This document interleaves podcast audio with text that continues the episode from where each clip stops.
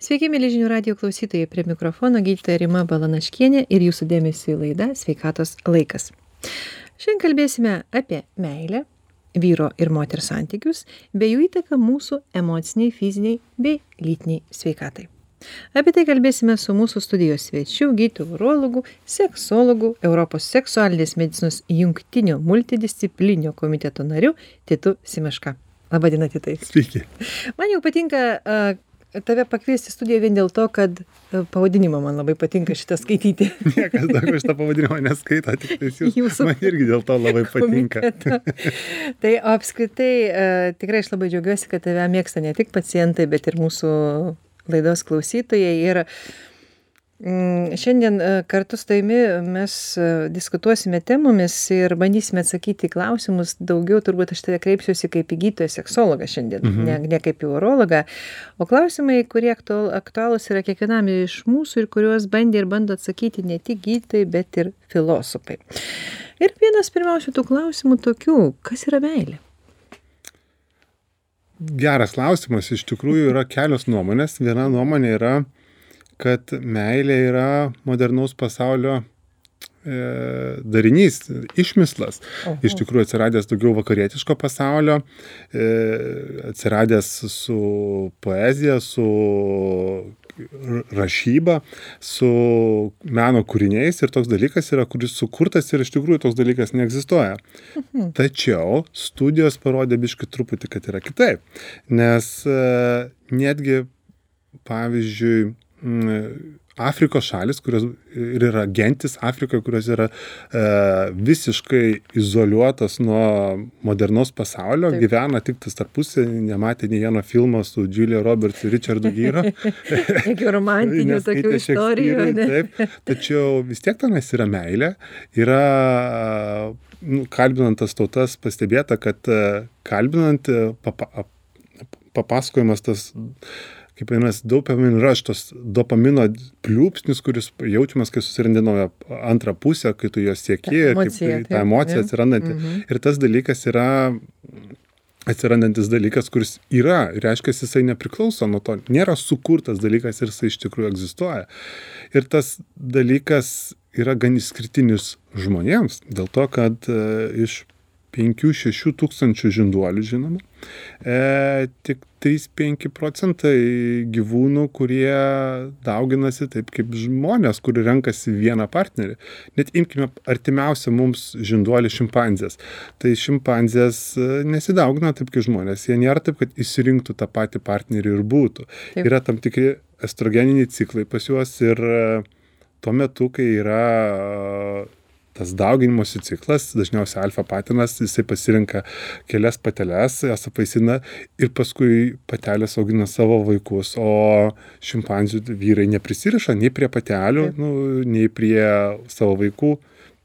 Yra visokių atvejų buvo yra netgi labai geras disnėjaus filmas kaip e, mirus šimpanzei mamai šim alfa patinas e, šimpanziuką užaugina. Tenais toks dokumentinis filmas visko būna bet iš principo ta meilė yra gan unikalus dalykas ir būdingas žmonėms.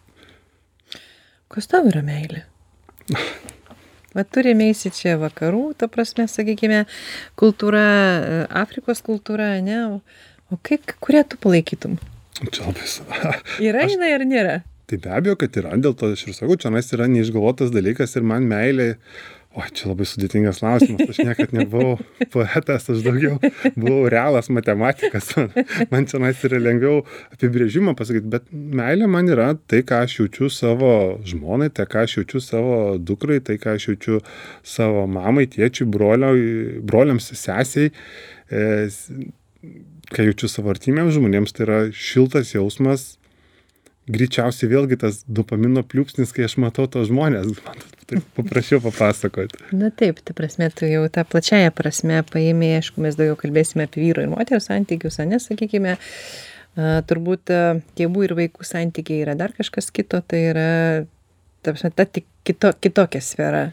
Labai keistas dalykas. Aš kaip aš kaip a, buvau su savo žmona iki gimstant dukrai tai aš galvojau kad a, nu va mano žmona yra mano gyvenimo meilė ir ir ir niekas kad tai yra jau viskas šokčiau aš po kulką vietoj jos mhm. ir dabar, kai gimė dukra, tai jeigu, manau, kad e, šaukčiau po kulką dukrai. Mhm. Tai vat, tai nereiškia, kad savo žmoną myliu aš Taip. mažiau, aš ją myliu dar labiau dėl to, bet dukra yra kažkas fantastiško. Tai čia kitaip apskritai turbūt yra viena iš mūsų pagrindinių misijų pratesti, kaip sako, perduoti tą genetinę. Iš fiziologinės. Taip. pusės tikrai taip. Ne tik tai iš fiziologinės, aš galvoju, kad tai yra turbūt tas, na čia mano aišku nuomonė yra, kad ko mes nežinom. Tai yra, ko mes nežinom, bet kodėl tai mes turim tą perduoti, ne tą informaciją. Labai giliai smegenyse užšifruotas Kažkur dalykas. tai yra Taip. tas įdėta ta programa, taip giliai, ne? Ir ne veltui tai yra, irgi galima sakyti, galbūt filosofija, gal ne, kad e, jeigu mes jau nebeturime palikonių kažkodėl tai, ne, tai mes esame pasmerkti. Jeigu mes turime palikonių, tai principė septyniom kartom mes esame užtikrinti. Tikriausiai sunku. Tikriausiai taip. Tikriausiai taip. Tikrai. Tikiu. Kągi, grįžkime prie meilės ir sakyk, prašau, irgi įvairiuose aprašymuose, tyrimuose ir taip toliau yra išskiriama meilė ir meilės iliuzija. Mhm. Kaip tu pasakytum, kas tai yra? Vėlgi, gan filosofinis klausimas e, gydytojui praktikui. Na, Taip. Aš noriu, Bet kad remtų savo praktiniais, sakykime, patyrimais e, bandytum tą romantiką susijęti su gyvenimu, praktika, ne? Iš principo, meilė ir meilės iliuzija. Mhm. Mhm. Leiskit man pakreipti kaip nors šitą Prašau. klausimą, kad man išeitų lengviau atsakyti. Iš principo, e, yra, e, jeigu galvoti apie lytinius santykius ir e, apie bendravimą ir bendravimai grubiai yra dviejų rūšių. Imkime, nu, yra įvairių rūšių, bet, sakysim, aš skirčiau taip. E, trumpalaikiai santykiai ir ilgalaikiai santykiai. E, ir variklis varantis mus turėti trumpalaikių santykių ir ilgalaikių santykių yra kitoks. Ir e, tipas, kaip mes renkamės savo antrą pusę, e, renkantis partnerį arba partnerę trumpalaikės santykiams ir ilgalaikiams santykiams yra kitoks. Ir mes žiūrim, ieškom kitokių savybių. Ir iš principo, jeigu kas krenta po to meilės iliuziją, tai sakyčiau, gal tai trumpalaikiai santykiai, kur, kurie greičiausiai neveda niekur ir čia nais iš karto galima būtų jau tada taip matematiškai skirstyti vyrus ir moteris, nes trumpalaikių santykių vyrai ir moteris statistiškai turi dėl skirtingų priežasčių. Mhm. E, O kas daugiau, sakė, vyrai ir moteris turi tų trumpalaikių santykių? Kaip tau? e, daž, rodo? Visi įsivaizduoja, kad vyrai, ta prasme, kada ne? tai vyrai daugiau ir turi. vyrai, Vyrai daugiau ir turi. Vyrai dau- daug dažniau turi e, atsitiktinių lytinių santykių ir čia nais vėlgi mūsų biologija, dėl to, kad e, atsitiktiniai lytiniai Prašau, kaip specialistas ar kaip vyras dabar? specialistas. Specialistas. Čia, čia remiuosi moksliniais tyrimais, Galvoju, gal gini vyrus, ne? Tai yra dėl to, kad vyrams yra, tai yra mažiau rizikingas dalykas. Dėl to, kad e, e, blogiausia atveju vyras, sakysim, nepasisekus santykiams, praras finansinės kažkiek tais gali prarasti, sakysim, bet realiai tai jis pratęs savo giminę. O sakysime, kas blogiausia gal gali būti iš to, gali neplanuotas neštumas būti. Ir neplanuotas neštumas tai yra daug stipresnė fizinė žala moteriai. Jei ir daug laiko netenka karjerai, jinai neštumas iš savęs daug reikalauja resursų iš moters, jinai yra mažiau mobili, mažiau darbinga, yra daug rizikos veiksnių ir dažniausiai taip yra, kad moteris lieka su to vaiku. Tai iš principo m, atsitiktinių lytinių santykių galimi neigiami padariniai yra daug skaudesni moteriai. Dėl to moteris yra linkusios rečiau jų turėti atsitikti, atsitiktinių lytinių santykių ir atidžiau pasirinkti partnerį. Dėl to sako, kad vyras, nu, tokia populiari opinija yra vyras renkasi su kuo gali, mhm. moteris su kuo nori. Iš principo mhm. turėti atsitiktinių lytinių santykių. E, tai nėra visiškai šimtas procentų tiesa, bet daugiau mažiau vyrai atsitiktinių lytinių santykių turi tada, kai pasitaiko proga. Nu, čia sakysim, iš 70 procentų visų lytinių, atsitiktinių lytinių santykių, į, tais atvejais, kai lytiniai santykiai neveda į kažkokį ilgalaikį santykių. proginiai. Proginiai. Taip, bet, Bet tai yra grinai tai yra vienas kartas, ar, ar, ar, ar ta prasme, apskritai trumpalaikiai, trumpalaikiai santykiai. Kas tas yra trumpalaikiai, galbūt irgi paaiškinkim klausytojams. Tai iš principo be įsipareigojimo. Nu, Įsipareigojimai, Tai gali būt apie 10 metų be įsipareigojimų. nu, 10 metų, tai iš, tai ir bus tada niekur nevedantis. Iš principo įsipareigojimai yra, kiek žinau, trijų rūšių. Yra finansiniai, e, psichologiniai ir, ir, ir, ir emociniai. Tai yra, palauk, finansiniai, e, emociniai Gal socialiniai. ir gal socialiniai, sakyčiau, yra keli, trijų rūšių įsipareigojimai ir tie santykiai, kurie neturi šitų įsipareigojimų, kai tu nesi nieko finansiškai skolingas, kai nereikia uh, kartu socialiniai, socialiai kažkur ir nereikia sakyti, va, aš tave myliu, rodyti savo meilę ir panašiai. Tai yra atsitiktiniai lytiniai santykiai. Tai yra Kokia nevedantys. trukmė, vis dėlto galima laikė kažkaip juos rėminti, kada tie trumpalaikiai. Tai trumpalaikiai gali būti, trumpalaikiai gali būti pasikartojantys, Mhm. bet yra niekur nevedantis. Ir yra e, ilgalaikiai tie, kurie yra vedantis į šeimos sukūrimą, į giminės pratesimą, į bendros būties sudarimą. Tai vat, e, tais atvejais vyrai renkasi jau visiškai kitaip. Nes e, iš principo iš vyriškos pusės ir ten, ir ten moteris ir vyrai renkasi skirtingai. Jeigu trumpalaikius santykius, tai vyrai paprastai yra linkę pasinaudoti progą ir jų vertinimo skalė yra žema. E, tuo tarpu moteris, moterų irgi skalė yra žemesnė, bet mažiau žema negu renkantis ilgalaikius santykius. E, o kai renkamės ilgalaikius, ilgalaikę savo antrą pusę, e, vėlgi yra skirtingi kriterijai. Tačiau, ta prasme, aš taip suprantu, kad e, tu bandai pasakyti, kad trumpalaikiai santykiai tai tarsi būtų meilės iliuzija, ne? Va taip. O gal čia iš vis nėra jokios meilės? Dėl to ir vadinasi iliuzija. Bet tu man pasakyk, tai, tai e, jeigu, sakykime, va, tu sakai, kad e, reiškia vyrai, jie vis tiek nori pasinaudoti pro, progą, ne, ta prasme, tai mes vėl grįžom prie tos pačios, ne, ką mes kalbėjom, ta prasme, tokios, na, mūsų paskirties, genetinės informacijos pernešimas, ne. Moteris to turi kaip ir vengti ir, ir jos pasamoningai to vengia, nes ten laukia tam tikros pasiekmes, Taip. ne. Tai iš kur tas vyras tas moteris suranda? Nes mūsų santykiai žemėje, principai, yra panašus, vienas prie vieno, ne? Taip. Sutinku. Moterų, man atrodo, šiek tiek daugiau. Moterų, nu, šiek tiek, kadangi Bet, vyrai taip, bet, daugiau bet ne tiek, kad progų būtų Taip, gerokai daugiau. Žūsta, jie miršta, avarijos ir taip toliau. nu, Taip. Gi berniukų gimsta gi daugiau, ne? Mesgi taip mokėmės, ne? Kad berniukų gi gimsta iš pradžių daugiau. Bet jie eigoje tiesiog žūsta daugiau. Taip. Jo. E, suranda. Suranda, Tai kaip suranda galima. suranda? Iš principo, gal turbūt tikriausiai ne veltui ir yra stigmos. E, skirtingų vyras, kuris e, suranda daug skirtingų partnerių, tu- turi vienokią stigmą, e, kuri teisingai ir neteisingai, bet yra vertinama kaip e, šauni jo savybė, o moteris, kuris turi daugiau partnerių, yra, turi tokią stigmą kaip neigiamą savybę. Ir tai yra kaip blogybė.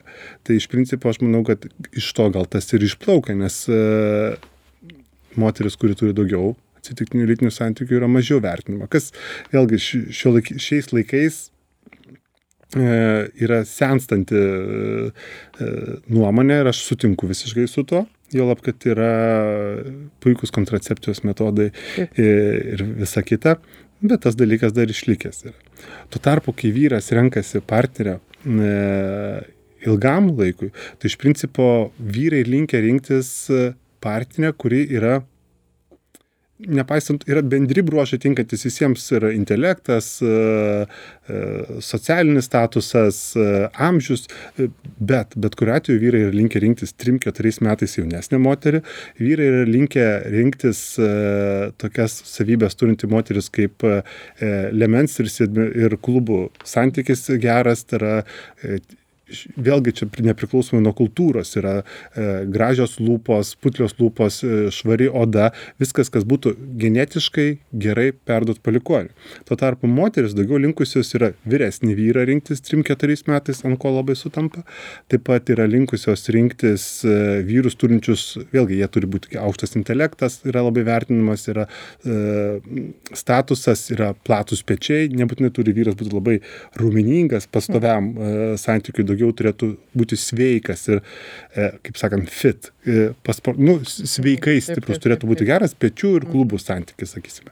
E, ir labai svarbu jo statusas, nes tas išplaukia pas mus, kad mes žiūrim žmonės, kaip renkasi statistiškai. Žmonės statistiškai yra linkę pasirinkti teisingai. Jeigu mes paimsime į stiklainį, pridėsim saldainiukų ir klausimės gatvėje tūkstančių žmonių, kiek čia yra saldainių spėk, tai vidurkis bus labai panašus arti tiesos.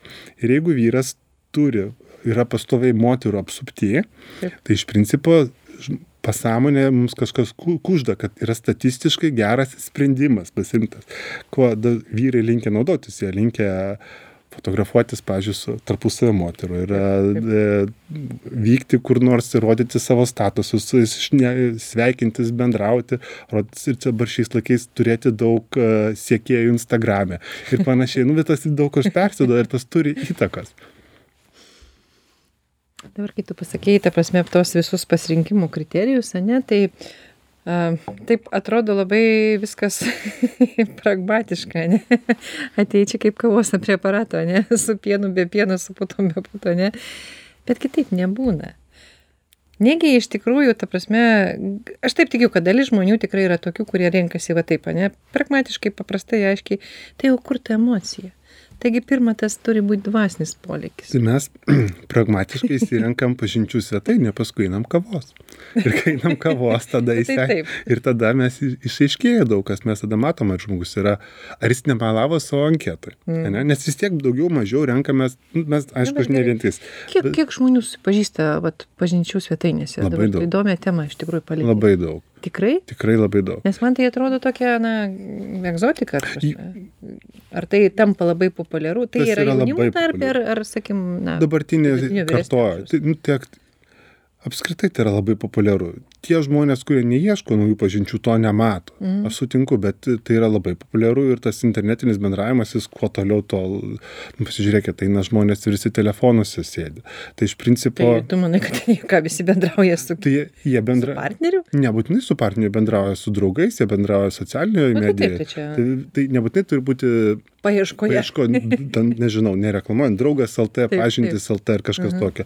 Paprasčiausiai tu matai kas kur tavo draugai ir tu renkiesi žiūri savo tarkim instagramo Mhm. juos tarp draugų ir tu matai su kuo jis ten buvo ir tu galvoji va čionais yra žmogus kuris atrodo linksmas ir visa kita ir per kitą vakarėlį tu gali su juo prieiti ir aš mačiau tave nuotraukoj ir panašiai tas turi įtakos bendravimas bet kai pradedi bendraut tu matai kiek nuotraukose ten teisybė ir toj sakysim nebūtinai turi būti literaliai anketa bet toj Nes kur tai, ta susidu- prasme, yra kažkoks tai, sakykime, patikrinimas ar ne, ar tai žmonės gali visiškai ne savo vardais, ta prasme. Tai taip, tai iš principo. visiškai. Kai kurios svetainės daro taip, kad... tau, kad savo nuotrauką turi dėti, ar tu dėdi netgi ne savo nuotrauką? Tai, bet dedi, dedi iš gero rakurso. Tai- Dedi, Bet savo dėdi, ne? taip, bet tu dedi, pažiūrėjau, savo penkiais metais jaunesnį. Arba dedi tam tik tais veidą. Nededi visų ūgių. Vis uh, savo ūgį. Vyrai linkia meluoti apie savo ūgį, moteris linkusios meluoti apie savo svorį.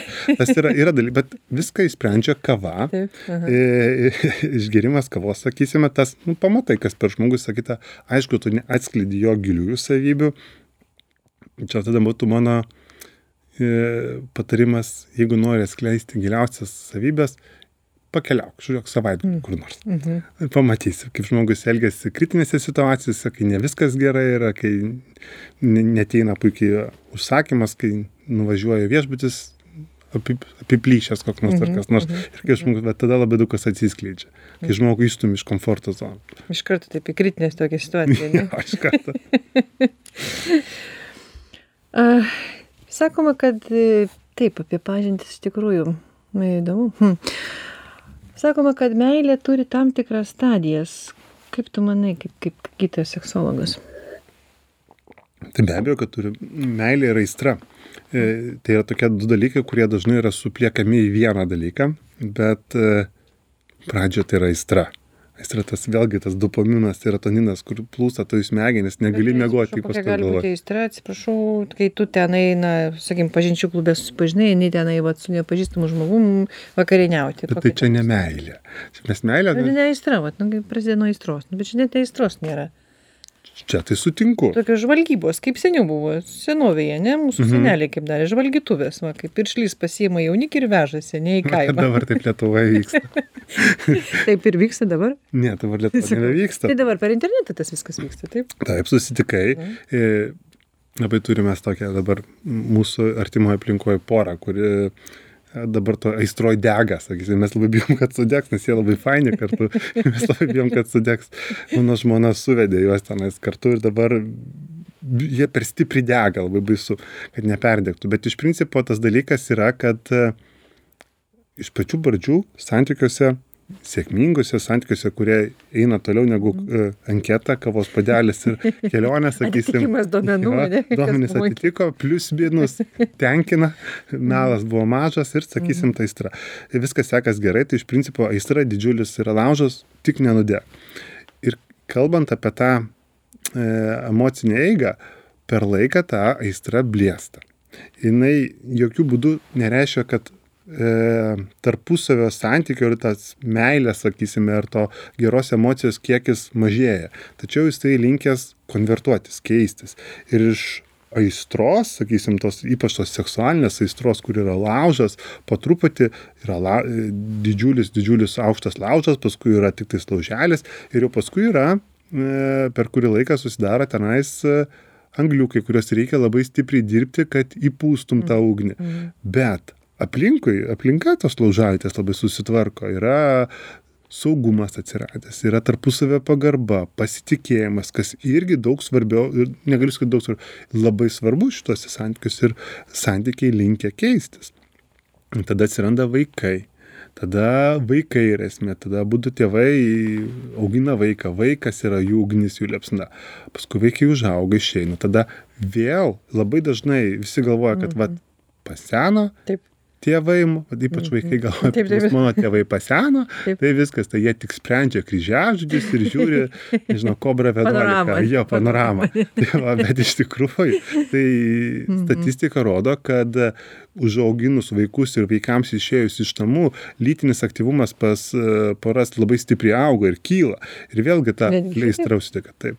Vėlgi, mes kalbam apie vidurkį, mes negalim sakyti, kad kiekvienoje tai, bet e, poros, kai vaikai išeina iš namų, stipriai pas juos padaugėja lytinių santykių dažnis ir kas bebūtų keista, man buvo bent jau keista, e, pensinio amžiaus žmonės, kurie baigia dirbti e, ir yra pakankamai geros sveikatos, irgi pakankamai dažnai gyvena itin aktyvų lytinį gyvenimą. Gal sakysim, tas lytinis gyvenimas iš urologinės, sakysim, tos organinės pusės nėra toks e, lengvas ir toks e, kokybiškas, kaip buvo anksčiau. Ir čia vėlgi atskira tema, nes šiais laikais yra tiek priemonių, kad mes galime padaryti viską aukščiausiam lygiai, kaip sakant, kokybę galim padaryti gerą. Bet e, kadangi yra pasitikėjimas tarpusavė, kadangi yra geras santykis, tai vėlgi tas pensinio amžiaus žmonės lytinių santykių ir aistros turi labai nemažai. Iš tikrųjų, labai, labai, labai įdomu, bet mes dabar turime trumpai staptelti ir pokalbį su mūsų studijos svečiu jau pratęsime po trumpos pertraukos. Likite su žinių radiju, sugrįšime į studiją visai netrukus. Grįžtame į studiją, tęsime laidą ir kalbame apie meilę, vyro ir moters santykius bei jų įtaką mūsų emociniai, fiziniai bei lytiniai sveikatai. Primenu, kad mūsų studijoje svečiuojasi gydytojas urologas, seksologas, paskaitysiu pilnai. Europos seksualinės medicinos jungtinio multidisciplininio komiteto nariu Titu Simaška. Kalbam šiandien studijoje. Titai, kaip matai, mes šiandien su tavim daugiau kalbame kaip su seksologu, ne? Iš tikrųjų, netgi filosofu, ne? Kaip vyru, ne? Ta prasme, iš, iš tikrųjų Taip. į įvairiom tom, sakykime, įvairiais kampais, įvairiom dimensijom. Ir pirmąjį laidos dalį baigėme apie tokias dvi temas įdomias, tai yra vyresnio amžiaus, kaip tu pasakai, pensinio amžiaus, ne? Dabar na, net nebėra tokio... Taip, nes negali sakyt, tokio. Pensinis, ta prasme, nebėra, dabar yra jaunas žmogus, yra brandus žmogus, yra a, vyresnis žmogus ir jau pagyvenęs Bet čia labai slidu, kas nusprendė, Taip. kaip yra čia nais. Nu, tas su mano amžiumi vyresnis metų. žmogus keičiasi. Metų, kiekvienu- metų su- yra ten tos tam tikros ribos ir aš įsivaizduoju, kad ypač specialistui yra labai sunku, ne, kaip pas tave ateina, kaip apskritai, vat, kaip tau reikia, pavyzdžiui, klausimuose orientuotis, įsivaizduoju, kad, na, vat, ateina, sakykime, 65-70 metų vyras, o ne? Taip. Ir gal jis ten labai, yra- labai yra aktyvų gyvenimą gyvena, o tu gali na nebūna kad įsižeidžia dar kažkaip Tai va, čia, "Aš gi čia, čia labai senas." geras klausimas. Čia mes ne vieną diskusiją esam turėję su kolegom. Iš principo, e, ne tik tai su kolegom urologais, netgi su kolegom psichiatrais turėjome mes tokią diskusiją, kaip paklausti žmogų, ar jis turi seksualinę disfunkciją. Iš principo, gerai, ateina, ten, sakysim, 40-50 myrų, metų vyras, viskas tarko, bet dabar kaip klausti to vyresnio am- amžiaus vyro, neįžeidžiant. Ir aš manau, kad, manau, kad ką rodo mano praktika, paprasčiausiai mir klausi. Dar nei vienas neįsižydė, e, kai kurie buvo nustebę tokio klausimo, bet jie atsakė dėl to, kad iš principo jei, visi žmonės vaikšto, jeigu skauda koja, Taip. natūralu, kad e, eini pas traumatologą. Visi žmonės, nežinau, kvepuoja. Ir jeigu negali kvepuoti, eini pas pulmonologą. Vi- Visi žmonės turi lytinių santykių, ar turėjo lytinių santykių. Nu ir iš principo dabar, jeigu lytinių santykių problemos yra, tai normalu, kad yra daktaras urologas, kuris šitą dalyką gydo. Ir jeigu ateinat pas, nežinau, pas loristą ir jis klausia, ar jūs gerai girdit, normalus klausimas. O jeigu ateini pas urologą ir jis klausia, ar a, turit lytinių santykių, iš principo baisu būdavo klausti, bet dabar pastebėjau, kad Tikrai ne, gydytojai urologai bijo tokio bijo, bijo ir mes sako, aš tikrai neklausiu. Juolap, į- iš principo, ar turi lytinių santykių, tai yra vienas, ar yra seksualiai aktyvus, yra kitas, nes mhm. iš principo yra daug, sakysim, urologai, vyrai, urologai gydo vyrus pagrindę, sakysim, gydo ir moteris, bet vyrų yra dauguma. Dabar, jeigu vyras yra našlys, tai ką mes iš karto turim prezumuoti, kad jisai neturi jokios seksualinės veiklos. Taip. Jisai gali turėti tiek kaimynę, tiek jis gali e, tai masturbuotis. Ir iš principo tai yra svarbi, svarbus dalykas jo gyvenime ir reikia nebijoti to paklausti. Ir es baisu, sutinku baisu klausti, ypač senyvesnio amžiaus žmogaus, bandai tą klausimą įvinioti kažką tais, e, sakau, šitas vaistas turi tam tikrų komplikacijų, mhm. vad, pavyzdžiui, orgasmo metu neišsilieja sperma. Ar jums tai trukdytų? Nu, tuo pačiu ir jisai sako, oi, ne, aš, man jokio skirtumo, kitas sako, tikrai, o tai kur jinai dingsta, jau matai, kad jisai eina į pokalbį. Tada jau gali e, orientuotis, kuris gali nebūtai taip tiesiogiai. Bet kad ir tiesiogiai, kiek aš esu klausęs visų savo pacientų, niekad nenudegiau. Nors nekarta buvo nedrasu paklausti. Paklausti ir taip laukia, ką tau atsakys. Tai Bet jį taip, ar, ar negausi per kepurės snapelį, bet iš tikrųjų viskas normaliai. Tie- Tiesiog reikia drąsos paklausti ir šiais laikais netgi itin vyresnio amžiaus žmonės vis tiek jie yra pakankamai, sakykime, modernus ir nebijo šito klausimo ir jau daug drąsiau šneka. Bet e, gi mes e, iš tikrųjų e, skaitome ir, ir girdime istorijas ir, ta prasme, sakykime, tokios tendencijos, kad kaip tik visi bijo, va, jeigu grįžti prie to, ką tu pasakėjai, kad išėjus vaikams, ne, tai yra užaugus vaikams, ne, kai žmonės yra jau ten, sakykime, 55-60 metų, ar dar vyresnė, ne, kad tu sakai, kad pas juos kaip tik pagerėja santykiai, pagerėja, ta prasme, visapusiškai, na, psichologiniai, emociniai, lytiniai santykiai ir taip toliau. Nors nuomonė visuomenė yra, kad kaip tik. Aš Oi, sutinku. sako, išėjęs viskas, jau ką mes dabar veiksime. Ir užgestų, ta, kaip sakai, tas visas tenai. e, Tokia yra lauželis, plati ane? nuomonė, Mhm. bet statistika rodo priešingai. Ir šitoje vietoje tikrai yra ta nuomonė ir tarp gydytojų yra ta pati nuomonė. Mhm. Ir dabar, ir iš principo man labai keista, mat mano kolegų yra daug, negalima sakyti pensinio amžiaus. Sakysim gerai, turiu daug kolegų virš 65 metų. ane. Taip. Ir e, visi mes šnekam apie lytinius gyvenimus, visi, e, kaip sakyti, sudarom tokį įspūdį, kad esam lytiškai aktyvūs.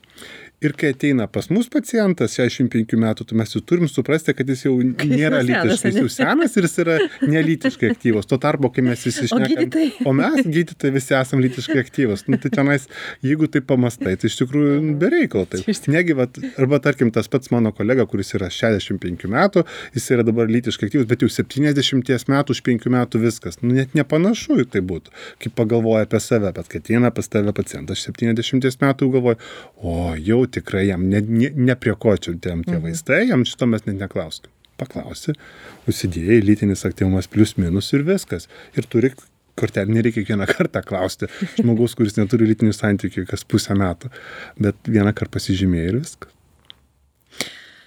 iš tikrųjų tikrai įdomu aš manau kad tai verta įsidėmėti ir ir ir ir pagalvoti ir ir kaip sakau galbūt pakrei pakeisti nuomones ane nes tai tai yra svarbu ypač na ir medikams ane ir ir ir visuomenei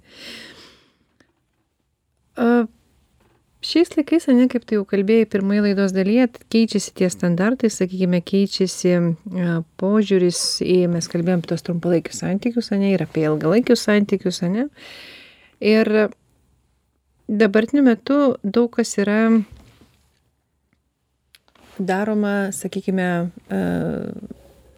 va tie ir meilės etapai turbūt, kaip ir kalbėjo Aistra, ta prasme jau, na, pagal kai kurios mokslininkus tai yra, ta prasme, aistra, intimumas ir įsipareigojimas. Va tokie yra, na, intimumas tai turbūt čia suprantamas, na, toks turbūt, kai vienas kitų pasitikė, va tas pasitikėjimas, ne, kad tie visi etapai dabar praeina jau nebe sąjungoj, tai yra nebe po vedybų, kas būdavo seniau. Mhm. Ane? Tai gerai ir blogai, bet kad vis tiek dabar daugelis žmonių gyvena poroje, taip, ir jie neskuba, sakykime, tuoktis. Sutinku, tas yra gan dažnas dalykas ir kuo toliau, to yra populiariau, bet e, kiek tai yra gerai? Nežinau, iš principo, kas yra santoka. Santoka tai yra Bet santoka tai jau yra e, tas žmogaus, jeigu sakysim, sakysim, yra žmogaus sugalvotas mm, dalykas, taip. yra ne mūsų neurobiologija. Mm. E, nes jeigu meilė, sakysim, yra nesvarbu, mm. kur tu paimsi menulyje pasodink žmogų, jisai nu, kolonija žmonių, kurie nematė pasaulio, vis tiek jie mylės.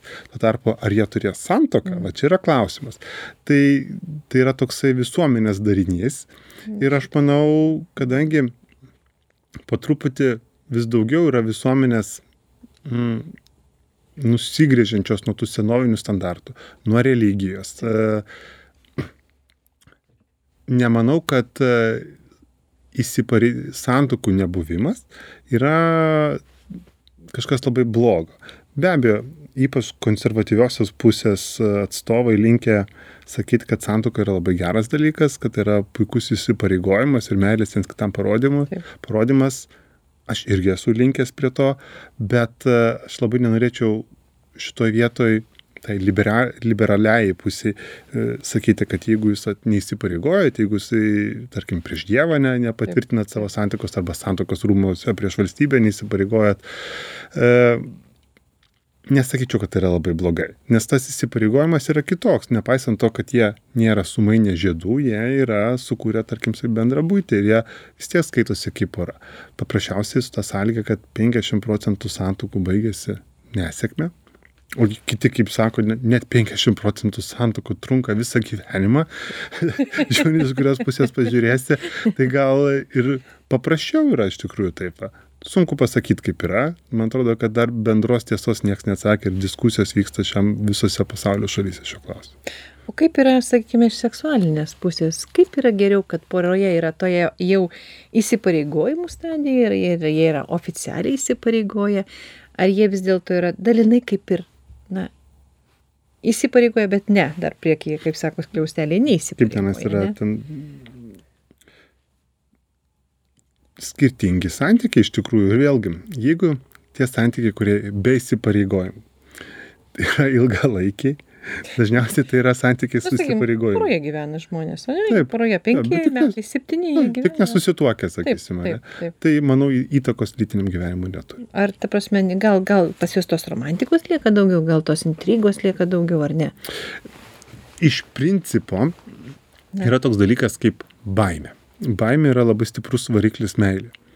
E, visų pirma, Atrodo, tokie skirtingi dalykai - meilė ir baimė. Jo, bet ma, baimė yra iš tikrųjų vienas stipresnių variklių meilė. Dėl to, kad e, kada žmogus stengiasi. Iš principo stengiasi yra, sakysime, kad kalbame apie tokią porą, kuri, jeigu turim dešimtbalę e, vertinimo skalę, sakysim, šeštas su šeštu, septynetas su septynetu, arba plius minus pusę balo, kur yra panaši. E, kas yra dažniausiai? Ir būna, kai kuris nors pakyla arba nukrenta ten poros linkusios skirtis. Mhm. Pavyzdžiui, moteris įsideda krūtų implantų, sakysim, ir skirybos labai dažnai, arba vyras e, pakyla pareigose, irgi dažnos. Tada palauk. Nu, bet čia, aišku, nu, čia labai toks saldus klausimas. Iš principo, grįšim dar jau. bet esmė tame, kad e, kai tu esi nesantokai, kai tu esi dar neprisirišęs, e, tu stengiasi išlaikyti savo antrą pusę. Taip. Ir kai tu stengiasi išlaikyti savo pusę, tai yra baime, kad tu gali jos netekti. Šitoje vietoje tai yra variklis, kuris verčia tave labiau stengtis. Ir toje vietoje kitos baimės nebelieka, kai yra įsitikinimas, kad e, aš dabar galiu daryti bet ką. Nu, vat- jau niekur iš čia dabar jau viskas, jau bėgs nuo prisirišau. manęs? Tas Arba šiek tiek jinai. santykius žlugdo. Ir čia santoka, sakysime, galėtų būti kaip toks dalykas. Sąlyga santokos yra dažnai nutraukiamas, tai turėtų pasaulyje gruoti, kad tai ne, nes santokas turi dažnai ir dvi, ir trys žmonės. Mhm. Kartais turi ir dvi, ir trys santokas su tuo pačiu žmogu. Čia vėl kitas dalykas. Jo, bet dabar dar, ta prasme, pagvildenkime šitos klausimus, ką tu paminėjai apie implantus krūtų, Mhm. ne? Ir vyro karjerą. Kaip tai turi įtakos santokai ir skryboms? Gerai, dabar vėlgi čia bus pragmatinis vertinimas, sakysim, skirstom kiekvieno žmogaus patrauklumą dešimtbalį skalė. Paprastai linkia, kaip ir sakiau, šeštais su šeštais, septynitais su septynitais, aštuonitais su aštuonitais ir taip toliau. Plius minus pusę balo linkia e, kilti. Ir kai poroje dinamika pasikeičia ir kažkuris tai pakyla stipriai aukščiau arba krenta stipriai žemiau, o taip gali būti įvairiai, sakysim, gerai, lyga, susirgai, tampai mažiau patrauklus visuomenės narys, sakyt, tavo ta skalė krenta. E, pakilai vyras, pakilo pareigos, jau uždirbo, nu, nežinau, bitkoinų daug prikas, nesvarbu. Nu, Pasisekė. Kažkas tokis, pakilo, pakilo karjeros laiptais, laiptais. Jisai tampa daug patrauklesnis. Jis, jisai tampa automatiškai, nes kaip ir sakiau, pagal ką moteris renkasi, vienas dalykas tai yra jo statusas. Vyrai irgi moteris linkia pasirinkti pagal statusą, moteris yra linkusios pasirinkti vyrą panašaus statuso arba šiek tiek aukštesnį. Toks yra polinkis moteris rinkti. Statistiškai, vėl mes negalim kaip pirštų besti kiekvieną žmogus, Taip. gerai, bet iš principo. Tai jeigu žmogaus statusas stipriai pakyla, e, skirybos yra daug dažnesnės. E, lygiai taip pat, sakysim, moteris e, vizualiai atrodė vienaip, tačiau stipriai pakeitė savo išvaizdą. Pradėjo, tarkim, nežinau, stipriai sportuoti, įsidėjo krūtų implantus ir panašiai pakeitė savo išvaizdą. Jos išvaizda pagerėjo. O vyras liko toje pačioje vietoje. Vėlgi, krūtų implantai tai nėra skirybų priežastis, bet statistiškai po krūtų implantų skirybos yra labai dažnas dalykas. Paprastai dėl to, kad moters savivertė pakilus. Ir čia nais yra būdų kaip to išvengti, paprastai moteris renkasi partnerį jaunesniam amžiuje, bet renkasi nebūtinai aukšto statuso, bet su perspektyva aukštam statusui. Kai jis Tas, kuris, tam taip, jisai, statusą, nu, ne? jeigu tu, pavyzdžiui, vestuvės keli universitete, tai koks dar tas aukštas statusas, bet tu matai, kad vienas visą dieną sėdi ir žaidžia kompiuteriniais žaidimais, valgo čipsus, Mhm. kitas tuo tarpu mokosi, dirba ir jisai eina pirmin karjeros laiptais ir jisai investuoja save. Tai automatiškai užmeti, biškai, užmeta moteris. Lygiai taip pat mot, vyrai, kai renkasi moteris, vėlgi negalim sakyti, kad tik tais pagal taip. išvaizdą, bet taip. Vyrai yra linkę labiau kreipdėmės išvaizdą, mato sveikos moters savybės, kuri sveikai maitinasi, sportuoja ir turi gerą geną, gerus, gerą genomą. Taip, taip. Mato, kokia mama jos. panašiai. reikia pažiūrėti, būtinai, kaip sako, būsima uošvienė galbūt, ne? Taip, taip. Tai tas dalykas yra, yra užmetama ant priekio Mhm. šiek tiek visą laiką. E, kitas dalykas, jeigu tavo partneris pakilo aukštyn, tada tu gali save kažkaip tai kelti. Jeigu tavo, Mhm. pavyzdžiui, partneris pradėjo sportuoti, tapo nebūtinai labai rumingas, bet iš e, prasto gyvenimo būdo, iš pilvo dėlės numetė tą pilvą, tapo sveikas, sveikas pradėjo lysti po šaltų dušų, bėgioti, visą kitą. Ir arba moteris gali irgi pradėti stengtis, irgi sportuoti kartu į sporto klubą, visą kitą ir keltis kartu. O tie kitais tais toksiniais santykiais, kai yra toksiniai santykiai, tai bandai tada numušti žmogus. Žmogus vertė pakyla ir yra tie toksiniai santykiai, kai sako, va, tu čia nais, tarkim, du šešetai ir iš šešto viena pakilo į aštuonetuką, sakysim. Tai sako, tu čia pažiūrėk į savo leškas, jo taip, taip, tai bandai numušti savivertę. Kiek tu čia valgai. tu- ne savo jo, pakelti, Jo, bandai numušti vertę, kad žmogaus, kitas ane? jaustųsi žemiau. Bet čia yra toksiniai santykiai. Bet taip yra vienas iš modelių, kaip žmonės bando tą išlaikyti pasąmonį, vėlgi to neurobiologijai. Bet, Bet- čia irgi yra, ta prasme, a, va, tie toksiniais, ta prasme, toksiški ar toksiniai santykiai, ne, mm. jie pa, pastaruoju metu labai apie juos daug diskutuojama, ne, rašoma. Nes jie yra labai dažni, iš principo jų yra daug, tai tų toksinių santykių. Ir čia nais labai gerai dirba psichologai iš tikrųjų, kurie padeda įsiaiškinti toksinius mm. santykius. Kaip, bet kaip psichologai sakė, mano, manau, liktai sako, kad beveik viską galima pataisyti, visus santykius pataisyti, skyrus, kai yra prievarta ir alkoholizmas. Mm. Tai va, šitais šitos vietose jau nelabai ką gali padaryti ir rekomenduoja jau nebetaisyti tų santykių, o visa kita yra pataisoma. Apie prievartą, jeigu šnekėti, vėlgi moteris prievartą naudoja dažniau, tačiau vyrų yra daug pastebimesnė ir čia nesakyti, nu, tikrai vyrai dažniau gauna į petį smūgį negu trenkia moterį. Bet jų, jų, jų jėga daug kitokia visai. Tai moteris žymiai silpnesnė būtybė. Bet e, jeigu imti statistiką, Taip. E, apskritai tai yra, nežinau kaip lietuškai, domestic violence, tai yra mhm. prievarta namuose, mhm, tai, yra, taip, taip. tai yra iš moterų pusės yra daug dažnesnė. Bet tai e, psichologinė, turbūt. Taip? Psichologinė mhm. ir fizinė. Ir fizinė. Ir fizinė. Taip, moteris, nu, bet sakysim, Amerikos pavyzdys yra, gal man atrodo, 25 ar 30 E, vietų, kur moteris priema nukentėjusias nuo fizinio smurto ir gal vienas centras tik tai su Amerikoje yra, kur priema vyrus nukentėjusius. Mm. Ir klausimas ar dėl to, dėl to, kad greičiausiai jie rečiau nukenčia. Antras dalykas tai yra ne gėdas skūstis, bet tos dalykas įvyksta. Bet e, ta mikroagresija mm. yra dažnesnė iš moters pusės. Taip, taip, taip. Vyras, kai jau trenkia, tai trenkia, kas nes jis yra fiziškai stipresnis. Mm. Ir tai ir tai yra labai blogai vienareikšmiškai labai gaila mūsų laikas prabėgo laidos. Pas mane atrodo kad mes čia penkias minutes tik pakalbė pakalbėjome tai tai mes daug temų aš čia buvau pasiruošusi daugiau temų dar apie a tempą nes praeitoje laidoje tu kalbėjai apie tą seksualinį tempą nesuderinamumą. Visiems mūsų klausytojams buvo labai įdomu aš labai daug klausimų gavau ir norėjau apie tai pakalbėt bet nieko nebespėjom. Apie pažinčių klubus tos tai yra puslapis mes čia pradėjom kalbėti ane? Apskritai visai paskutinis klausimas. Kaip tu manai kiek porų sakykime na vat imant paskutinius tris metus pažįsta per būtent tuos na svetaines ane pažinčių svetaines kuo toliau tuo labiau. Aš turiu aš šeimoj esu vyriausias iš keturių e, vaikų. Mhm. tai galiu pasakyti kad visas mano jaunimas e, visos pažintys per internetą. Tai nereiškia kad jie jį pažinčių kaip beveik kas antras žmogus dabar susipažįsta per aš ne nežinau šitos statistikos bet manau kad tai yra beprotiškai dažnas dalykas. Ir vėlgi tai nėra tie nebūtinai tai bus tinderis ar e, pažinčių kokie puslapiai ar kažkas tokio. E, paprasčiausiai bendravimas internetu susipažinimas. tai yra mhm. net nesakyt nereiktų skirstyt mano manymu jau šiais laikais į susipažinimą internetu nes labas gali pasakyt ne tik tais šiais laikais autobuse troleibuse ar paskaitose bet ir internete kas irgi yra vyrams palyginus baisu nes tai yra atstūmimo baimė čia atskira čia tema kodėl vyrams tą labas bro beprotiškai velniškai sunku parašyti. Moterims turbūt žymiai lengviau ne? Moterims taip dėl to kad e, paprastai iš principo vyrui jeigu vyras gauna ne tai yra baisus dalykas ko vyrai bijo labai to ne.